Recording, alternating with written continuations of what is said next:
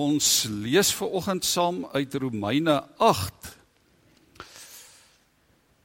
Ons gaan lees van vers 18, so julle kan die Bybels oopmaak by Romeine 8. Broers en susters, voordat ons uh die gedeelte saam lees, Romeine 8 is nou nogal 'n teks wat my persoonlik al baie baie lank aanspreek. Ek het dit al 'n paar keer gedeel uh dat toe ek so so 12 jaar terug gekom het vir die vir die onderhoud hier agter in die konsistorie. Toe sit daar nou daar rondom die groot tafels 'n klomp belangrike mense. Baie van hulle is nie meer hier nie. Uh van hulle is nou nog ver oggend ook toevallig hier. En na al die vreeslike vrae wat hulle vra aan daai klomp oë van die ou dominees daar uit die hoogte uit wat so op jou afkyk, toe vra hulle nogal heel aan die einde as jy nou 'n kort boodskap moet gee nou vir ons. Uh wat sal dit wees? Gee vir ons 'n kort boodskap van 3 minute en onmiddellik kom Romeine 8 uh by my op daarvan vers 31 waar dit gaan oor die liefde dat niks ons kan skei van die liefde van God nie. So dis regtig 'n hoofstuk 'n teks wat uh vir my persoonlik baie aangespreek het in die verlede ook al en ek het dit al baie by begrafnisse ook gebruik. Um nou vandag se boodskap is nie 'n is nie 'n begrafnispreek nie. Is nie 'n begrafnisboodskap nie. Maar ek dink tog dis dis belangrik en dis nodig dat ons as gelowiges ook sal dink oor oor lyding. Dat ons sal dink oor wat is God se rol in lyding? Waar staan God wanneer ons ly en wanneer ons swaar kry? Is daar byvoorbeeld iets soos 'n teologie van lyding? Kan ons sê God is in ons lyding teenwoordig en in ons lyding betrokke. Of waar is God in lyding? Ek dink ons moet iets daaroor sê want as ons dink oor siekte en oor dood en oor lyding dan kan dit maklik gebeur dat dit ons geloof in die krag en in die liefde van God dat dit ons geloof daarin ondermyn. Ek dink daar's baie wanopvattinge ook oor dit. Een so wanopvatting is dat alle siekte is 'n oordeel oor sonde. Dis 'n leuen van die duiwel. Dat alle siekte 'n oordeel is oor sonde. Nog 'n wanopvatting dat is dat as jy bid en jy word nie gesond nie, dan is dit 'n teken van ongeloof. Dis 'n leuen. Dis 'n wanopvatting. Nog 'n wanopvatting is ehm um, dat dat God eintlik op 'n afstand staan, dat die dat die duiwel eintlik die wêreld beheer. God staan so half eenkant en God kyk toe hoe dat die vyand sy kinders seermaak en boelie. Dis 'n leuen. Dis 'n wanopvatting. En nou, hoe dink ons hieroor? Hoe dink ons oor dood en oor siekte en oor genesing? Wat is God se rol daarin? Kom ons lees dan nou die teks. Dis eintlik maklik om te onthou. Romeine 8 vers 18 tot 28.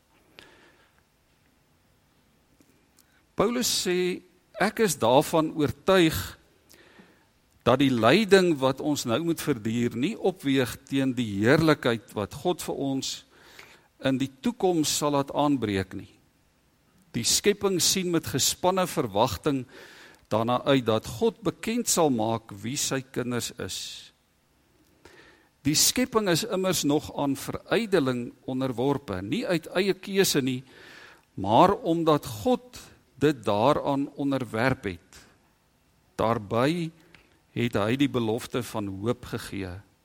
Die skepping sal self ook bevry word van sy verganklikheid of sy verslawing aan die verganklikheid om so tot die vryheid te kom van die heerlikheid waaraan die kinders van God deel het. Ons weet dat die hele skepping tot nou toe sug in die pyne van verwagting. En nie net die skepping nie, maar ook ons wat die Gees ontvang het as die eerste gawe van God. Ons sug ook. Ons sien daarna uit dat God sal bekend maak dat hy ons as sy kinders aangeneem het. Hy sal ons van die verganklikheid bevry. Ons is immers gered. Ons het nou hierdie hoop. Wat 'n mens al sien, hoop jy tog nie meer nie. Wie hoop nog op wat hy reeds sien? Maar as ons hoop op wat ons nie sien nie, wag ons daarop met volharding. Die Gees staan ons ook in ons swakheid by. Ons weet nie wat en hoe ons behoort te bid nie, maar die Gees self pleit vir ons met versigtings wat nie in woorde gesê word nie. En God wat die harte deurgrond, weet wat die bedoeling van die Gees is, want hy pleit volgens die wil van God vir die gelowiges. Ons weet dat God alles ten goeie laat meewerk vir die wat hom liefhet, die wat volgens sy besluit geroep is. Ons lees net tot sover. Ehm um, nou net om vir vir julle 'n aanduiding te gee van hoe die hoe die Heilige Gees werk en hoe die Here werk. Paulus sê hier in vers 28, ons weet dat God alles ten goeie laat meewerk vir die wat hom liefhet, die wat volgens sy besluit geroep is. Nou hierdie teks het ek gekies vroeg verlede week En eers hierso, ehm um, inteendeel ek het dit nie deurgegee na die kerkkantoor toe nie. Ek het dit vir Elise laat weet en vir Piet daar agter by die by die uh by die klank en intussen het het Honie die afkondigingsblaadjie opgestel. En toe ek net nou die afkondigingsblaadjie oopmaak in die konsistorie, toe lees ek hierdie aanhaling uit 2 Korintiërs 4 vers 26 op die afkondigingsblad. Daarom gee ons nie moed op nie. Al vergaan ons uiterlike mens ook, nogtans word die innerlike mens dag na dag vernuwe. Ehm um, help ons Here om nooit moed op te gee nie. Dis hoe die Here werk as bevestiging net op dit waarmee ons besig is. Broers en susters, jy en ek leef in die tyd tussen die sondeval en die wederkoms van Jesus aan die einde van die tyd wanneer die woord sê God uiteindelik alles nuut sal maak.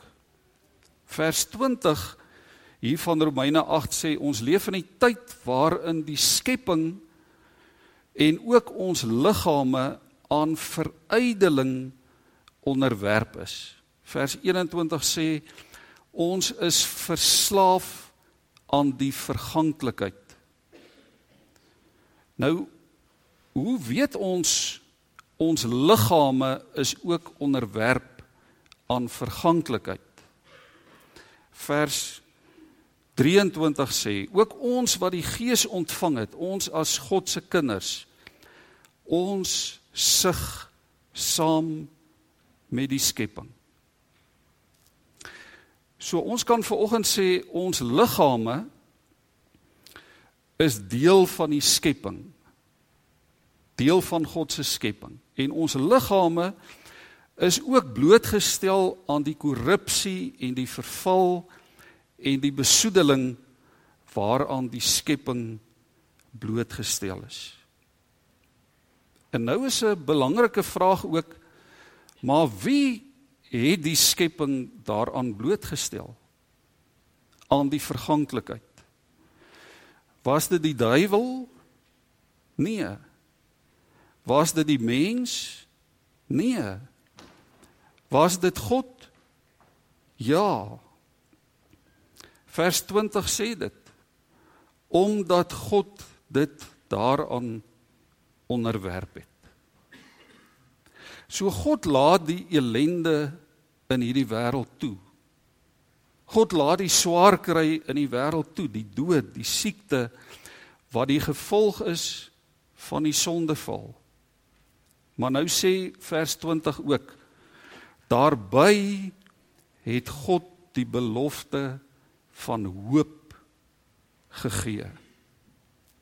So net 'n liefdevolle Skepper God kan dit doen om 'n belofte te gee, 'n belofte van hoop aan sy skepping wat swaar kry.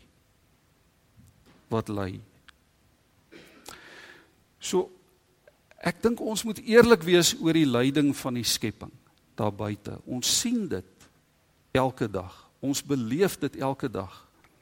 Ons sien beelde daarvan op televisie. Ons sien dit in koerante. Ons lees dit. Ons kan dit nie ignoreer nie. Die verval, die ellende, die stikkindheid in hierdie skepping lê op twee vlakke. Dit lê op 'n geestelike vlak en dit lê op 'n fisieke vlak.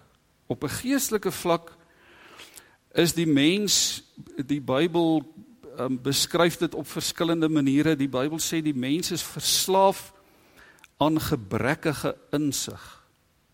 So ons dink dikwels ons weet baie, maar eintlik weet ons baie min. Die mens is verslaaf aan misvormde doelwitte. Ons dink ons weet waarna toe ons op pad is, maar ons weet nie altyd nie. Ons is verslaaf aan dwaase mistastings. Ons gryp na strooi halmpies in die wind. Ons is verslaaf aan geestelike lamlendigheid. Ons is nie en ons doen nie dit wat God wil hê ons moet wees en dit wat ons moet doen nie. Dis op 'n geestelike vlak. Op 'n op 'n fisieke vlak is daar soveel voorbeelde, soveel tekens oral rondom ons. Mense wil dit amper nie eers meer noem nie. Daar's natuurrampe, siklone, oorstromings, aardbewings, hongersnood, pestilensies, besoedeling, slangbyte, ongelukke, allergieë, griep, verkoues, kanker wat ons liggame aanval en aftakel tot stof. En Paulus sê solank ons hierdie liggame het sal ons afhanklik wees sal ons slawe wees van die verganklikheid 2 Korintiërs 4 vers 16 is nou juis hierdie teks wat in die afkondiginge ook vir een of ander rede verskyn Ons word nie moedeloos nie, want al is ons liggame besig om te vergaan, word ons innerlik van dag tot dag vernuwe. Nou hoor ons 'n teks soos hierdie, ons lees dit en dan gebeur dit mos nou dat ons ons hoor soort van net die een deel. Ons hoor net die deel van hierdie teks wat sê ons word nie moedeloos nie. Uh ons word innerlik van dag tot dag vernuwe. Dis waartoe ons geloof ons oproep om te glo, om positief te wees, om die goeie aan te gryp, die positiewe. Ons hoor hierdie deel, ons word nie moedeloos nie. Elke dag innerlik word ons nuut gemaak, maar ons mis baie maklik die woorde wat sê ons liggame is besig om te vergaan. En nou gebruik Paulus hierdie woord vergaan in die meeste van sy briewe. Oral gebruik hy dit en dis dieselfde woord die verganklikheid, die vergaan. Dieselfde woord wat Jesus ook op 'n paar plekke gebruik, onder andere in Lukas 10 vers 22 waar Jesus sê: "Maak jou rykdom bymekaar in die hemel waar motte dit nie kan laat vergaan nie. Dieselfde woord. Ons liggame is soos 'n jas wat in 'n warm donker kas hang en wat stelselmatig deur die motte opgeëet en verniel word. Maar daar's altyd hierdie maar van die evangelie, né? Dis die maar wat ons ver oggend na hierdie kerkgebou toe gebring het. Dis hierdie maar wat ons laat erediens hou. Dis hierdie maar wat ons laat glo. Dis hierdie maar wat ons vir die wêreld laat sê, maar ek is 'n Christen, ek is 'n kind van God. Maar daar kom 'n dag sê die woord van die Here. Wanneer elke kruk in elke loopraam in elke kierie opgesny sal word in elke rolstoel en elke hospitaalbed opgesmelt sal word, verander sal word. Anders gemaak sal word. Anders gevorm sal word. Verander sal word in medaljes van redding en van verlossing. Dis wat Paulus uitroep in al sy briewe. Hy sê ons sal almal wenners wees in die koninkryk van God. Hy sê nou neem ons nog deel. Hy gebruik die beeld van die van die wedloop van die atleet. Ons hardloop nog. Ons is soos ouens wat in hierdie laaste pylvak van die maraton inkom. So 100, 200, 300 meter van die einde af. Ons hoor al die aankondiger se stem daar by die wenpaal by die einde wat ons aanmoedig. Ons het nog hierdie laaste hierdie laaste entjie om te hardloop. Ons is klaar oorwinnaars. Meer as oorwinnaars. Ons is so te sê daar by die einde. Ons wen al klaar.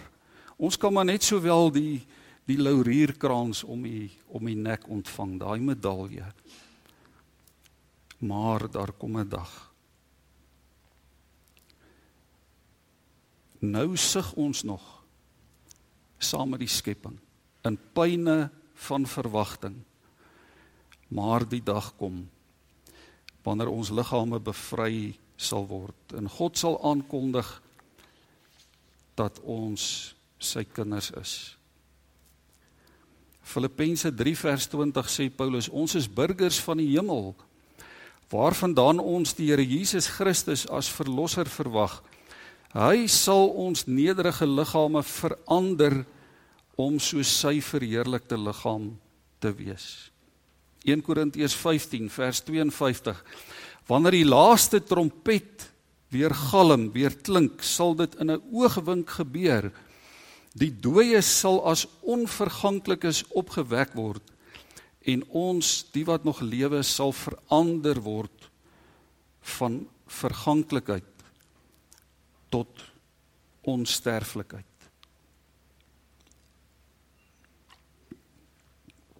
Nou is die vraag ook wanneer kom hierdie dag van bevryding? Dis nogal dis nogal moeilik. Ek wil sê as ek Paulus se teologie reg verstaan, dit kom wanneer Jesus kom. Dit kom wanneer Jesus kom. Jesaja 53 in die Ou Testament in in 1 Petrus 5 word dit herhaal. Uh, 1 Petrus 2 staan daar Oor ons oortredings is hy deurboor. Oor ons sondes is hy verbrysel. Die straf wat vir ons vrede moes bring was op hom. Deur sy wonde het daar vir ons genesing gekom. Vanoggend weet ons, Jesus het aarde toe gekom. Jesus het aan die kruis sy lewe gegee om ons te bevry sodat elkeen wat glo geestelike en fisieke genesing kan kry. Die vraag is wanneer? Wanneer kry ons hierdie hierdie genesing want daar's nog baie siektes rondom ons, daar's baie sterwendes rondom ons. Wanneer sal ons liggame nie meer onderwerp wees aan hierdie verganklikheid nie? Want daar's nog baie chaos wat ons beleef. En daarom is dit belangrik om te onthou, ons ons leef tussen Jesus se eerste koms en sy tweede koms. Ons weet hy het gekom soos Jesaja voorspel het. Jesaja het dit voorspel asof dit al klaar gebeur het, klaar waar is. Daarom gebruik hy die verlede tyd as hy dit sê. Ons weet dit het gebeur Jesus het deur sy wonde vir ons genesing gebring. Ons weet Jesus het wonderwerke gedoen. Ons weet baie krepeles het geloop, baie blindes het gesien, dowes het gehoor.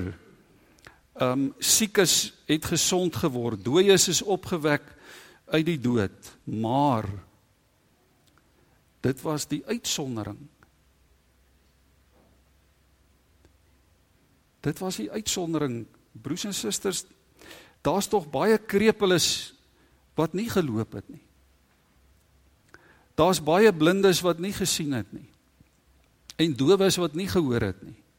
En dooies wat nie opgewek is nie. En siekes wat nie gesond geword het nie. Die doel van Jesus se eerste koms na die aarde was nie dit nie. Die doel van Jesus se eerste koms was om God se koninkryk aan te kondig. Om God se heerskappy aan te kondig, God se oorwinning, God se redding, sy verlossing, sy genesing om in hierdie stikkende wêreld te kom roep, daar is hoop. Daar is hoop. Die wenpaal is net hier om die draai. Meer as 40 km agter die blad. Daar's net 200 meter om nog te volhard daar is hoop. Ons kan dit al proe. En ons gaan dit volledig hê wanneer Jesus kom. Vers 23 en 24 sê ook ons wat die Gees ontvang het as die eerste gawe van God. Ons sug ook terwyl ons daarna uitsien dat God bekend sal maak dat hy ons as sy kinders aangeneem het en ons van die verganklikheid bevry het. Ons is gered. Ons het nou hierdie hoop. Ongelooflik. Ons is gered. Ons het die Heilige Gees. Ons is kinders van God. Maar ons stry nog saam met die skepping. Hierdie geestelike en hierdie fisiese stryd. 'n Deel van hierdie stryd is die siekte in die trauma in die teleurstellings van hierdie wêreld. Is dit waarvan ons soms genees word? Soms baie stadig genees word. Soms gedeeltelik genees word. En soms glad nie genees word nie. Die punt is ons het 'n lewende hoop wat nie in onsself lê nie, maar in God wat ons in ons swakheid kom bystaan en ons smekinge hoor. Met die sondeval was dit God wat die skepping onderwerp het. En dis net God wat die skepping weer van verganklikheid kan verlos. Net God kan dit bevry. Dan Eksodus 4, daar's soveel voorbeelde. Moet Moses met die farao gaan praat en in Moses het allerlei verskonings hoekom hy nie kan gaan nie en dan kom die Here na Moses toe en hy en hy sê vir hom wie gee vir die mens 'n mond wie maak hom stom en doof en siende en blind is dit nie ek die Here nie Deuteronomium 32 vers 39. Besef tog, ek is die Here, daar's geen ander god nie. Ek maak dood, ek gee lewe, ek maak siek, ek maak gesond. In Job se lewe het God selfs die duiwel beheer. Die duiwel kon net doen dit wat God vir hom toegelaat het om te doen. En dan sê Job daar in Job 2 vers 10 toe hy dit ontdek, toe sê hy: As ek die goeie van God kan aanvaar en kan ontvang, hoekom dan nie ook die slegte nie? God se bedoeling vir sy kinders in hierdie lewe broers en susters is nie in die eerste plek om siekte en elende en swaar kry en lyding van ons af weg te hou nie. maar om ons te reinig, te suiwer van sonde. Om in ons swakheid vir ons te help om vas te klou aan hom as ons enigste hulp in ons enigste hoop. Daar in Hebreërs 12 vers 5 en 6 staan daar: My kind, moenie dit gering ag as die Here jou tug nie. Moenie mismoedig word as hy jou teregwys nie, want die Here tug hom wat hy liefhet. Die Here straf elkeen wat hy as kind aanneem. Hy tug ons tot ons beswil sodat ons in sy heerlikheid mag deel. En vers 10. Wanneer ons getug word, lyk dit op daai oomblik nie na iets om oor bly te wees nie, maar om oor te huil. Later lewer dit wel vir die wat daardeur gevorm is 'n goeie vrug van vrede en gehoorsaamheid aan die wil van God. God trek reguit lyne met krom stokke. God gebruik siekte, hy gebruik beproewings, hy gebruik elende sodat ons hom meer kan vertrou wat ons lewe in sy hande vashou. En dit wat hy toelaat is vir die beswil van sy kinders. Vers 28 sê ons weet dat God alles ten goeie laat meewerk vir die wat hy geroep het, die wat volgens sy besluit gered is, die wat hom liefhet. Hoe moet ons bid? Hoe moet ons bid in hierdie verganklike wêreld? Uh hoe sal ons weet wanneer om te bid vir genesing? Wanneer om te bid vir genesing en wanneer om te bid vir die genade om God te vertrou vir sy goedheid. 2 Korintiërs 12 vertel Paulus mos van die doring in sy vlees. Hy noem dit 'n boodskapper van Satan wat hom geslaan het. Met die vuis geslaan het. staan dit letterlik daar. En dan sê Paulus 3 keer het hy vir God gevra om dit weg te neem. Ons weet nie wat dit was nie. Of dit 'n sonde was of dit 'n siekte was of dit moeilike omstandighede was. Ons weet nie. 3 keer bid Paulus En God se antwoord is nie om dit weg te neem nie. God se antwoord is om vir Paulus die krag te gee om dit te hanteer. En God gebruik dit as 'n lewende getuienis tot die eer van sy naam. Sodat Paulus vir God nog steeds te midde daarvan kon dien. Hoor wat sê Paulus ook vers 26 terwyl ons wag dat God ons van die verganklikheid bevry, staan die Gees ons in ons swakheid by. Ons weet nie wat om te bid nie. Soms is die enigste ding wat ons kan doen om te roep. Om te roep vir hulp. En die Heilige Gees vat daai swak noodroepe van ons, daai stotterende woorde daai stotterende gedagtes vat hy tot by God op so 'n manier dat God presies weet wat ons nodig het. Dat God vir ons op sy manier antwoord soos wat hy goed dink. Daarom moenie te trots wees nie. Hardloop na die Here toe, ook in tye van nood. Praat met die Here oor dit wat jy nodig het. Vertrou altyd op die krag en die goedheid van God, selfs in die grootste elende. Dis die toets vir geloof.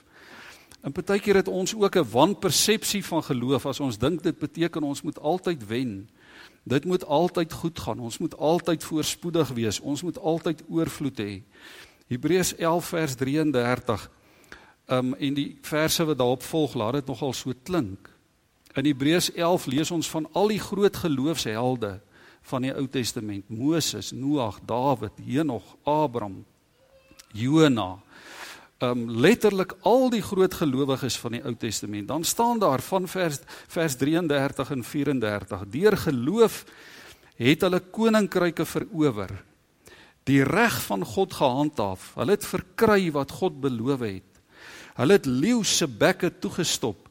Hulle het gloeiende vuur geblus, hulle het aan die swaard ontkom. Hulle het in swakheid krag ontvang. Hulle was sterk in oorlog. Hulle het die leers van vreemdes op die vlug gejaag. Dis nogal indrukwekkende gevolge van geloof. Hoor wat sê net die volgende vers. Sommige gelowiges is doodgemartel. Ander is gespot, geslaan, geboei, in die tronk gestop, met klippe doodgegooi, in stukke gesaag, met die swaard vermoor. Hulle het rondgeswerf in skaapvelle en bokvelle. Hulle het gebrek gelei, hulle is verdruk, hulle is mishandel. Hulle het geleef in woestyne, in berge, in grotte, in gate in die grond.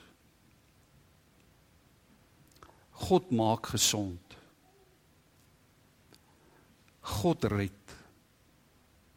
God verlos. God herstel. God genees. Want hy is die skepper. Hy is God.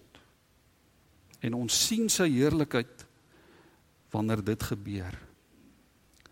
Maar ons sien ook sy heerlikheid wanneer God deur sy gees kom en hoop gee en vrede gee waar hy mense nie gesond maak nie. In albei gevalle sien ons 'n wonderwerk van die grootheid en die goedheid van God. Broers en susters, mag die Here deur sy gees ons daarom help om te vertrou op hierdie wonderlike God. Op God se genesende en helende krag en op sy vrede, op sy genade onder alle omstandighede. Hy laat alles ten goeie meewerk uiteindelik vir die wat hom liefhet. Partykeer voel mense om te sê, Here, maar hierdie maak nou glad nie sin nie. Ek verstaan dit nie. Here, ek weet nie wat is u plan met dit wat nou hier besig is om te gebeur nie. Here, ek weet nie waarna toe ons op pad is nie. Die woord sê God hou alles in sy hande. Die goeie en die slegte. Maak nie saak wat met jou gebeur nie. Die belangrike is dat jy in God se hand is. Die God wat vir jou kom sê jy is myne. Dis wat geloof is. Mag die Here ons regtig help vir jou en vir my om so te glo. Ek wil afsluit daar in die 3de eeu na Christus, so 300 jaar na Christus skryf 'n Christen martelaar met die naam Cyprianus skryf hy 'n brief aan sy vriend Donatus. En in hierdie brief skryf hy hierdie volgende aangrypende ding. Hy sê Dit is 'n vrolike wêreld. As ek hier van onder my wingerd se skaduwee daarna kyk. Maar as ek op 'n hoë berg sou klim en oor die wye vlaktes kyk, weet jy baie goed wat ek sal sien. Bendes op die groot paaie, seerowers op die see, vegtende weermagte, brandende stede. In amfitheaters word mense vermoor om opruiende skares gelukkig te hou, selfsug en wreedheid en elende en wanhoop onder een dak. Dit is 'n slegte wêreld, Donatus. 'n Ongelooflik slegte wêreld. Maar ek het in hierdie wêreld daar in die midde daarvan 'n stil en 'n heilige groep mense ontdek wat 'n groot geheim leer ken het. Hulle word verafskie en vervolg. Maar hulle gee nie om nie. Hulle is meesters van hulle siele. Hulle die wêreld oorwin. Hierdie mense Donatus is Christene en ek is een van hulle. Amen.